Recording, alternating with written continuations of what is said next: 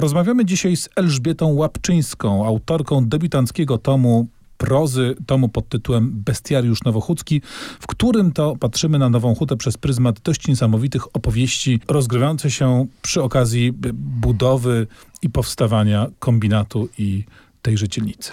Dzień dobry Pani Elżbieto. Dzień dobry. E, jeżeli chodzi o książki, które czytałam e, przed i czasie pisania bestiariusza, to takim oczywistym skojarzeniem są e, książki nowochódzkie, ale ja tych książek unikałam.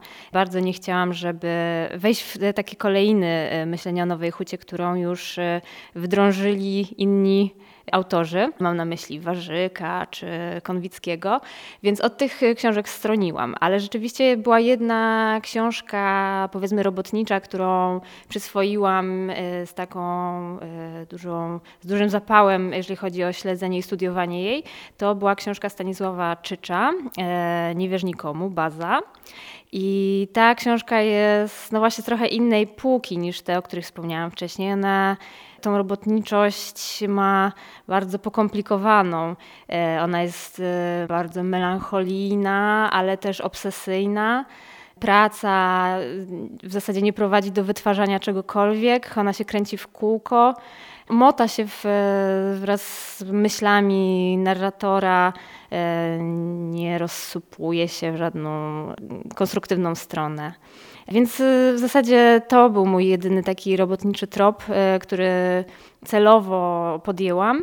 Innych książek nie pamiętam. Ale to był trop, który podjęłaś ze względu na wątki, na wątki robotnicze, czy też dlatego, że Czycz to jest bratnia dusza? No bo co tu dużo mówić, Czycz to jednak eksperymentator i wariat, e, jeżeli chodzi o prozę polską XX e, wieku, który zresztą w ogóle jakoś mam wrażenie e, powraca z zapomnienia. W przyszłym roku jego okrągła rocznica, więc pewnie jakieś będą wznowienia i pewnie będzie o nim głośniej.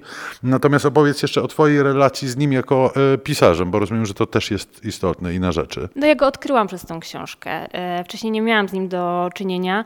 To dokładnie to jest dobre określenie bratnia dusza.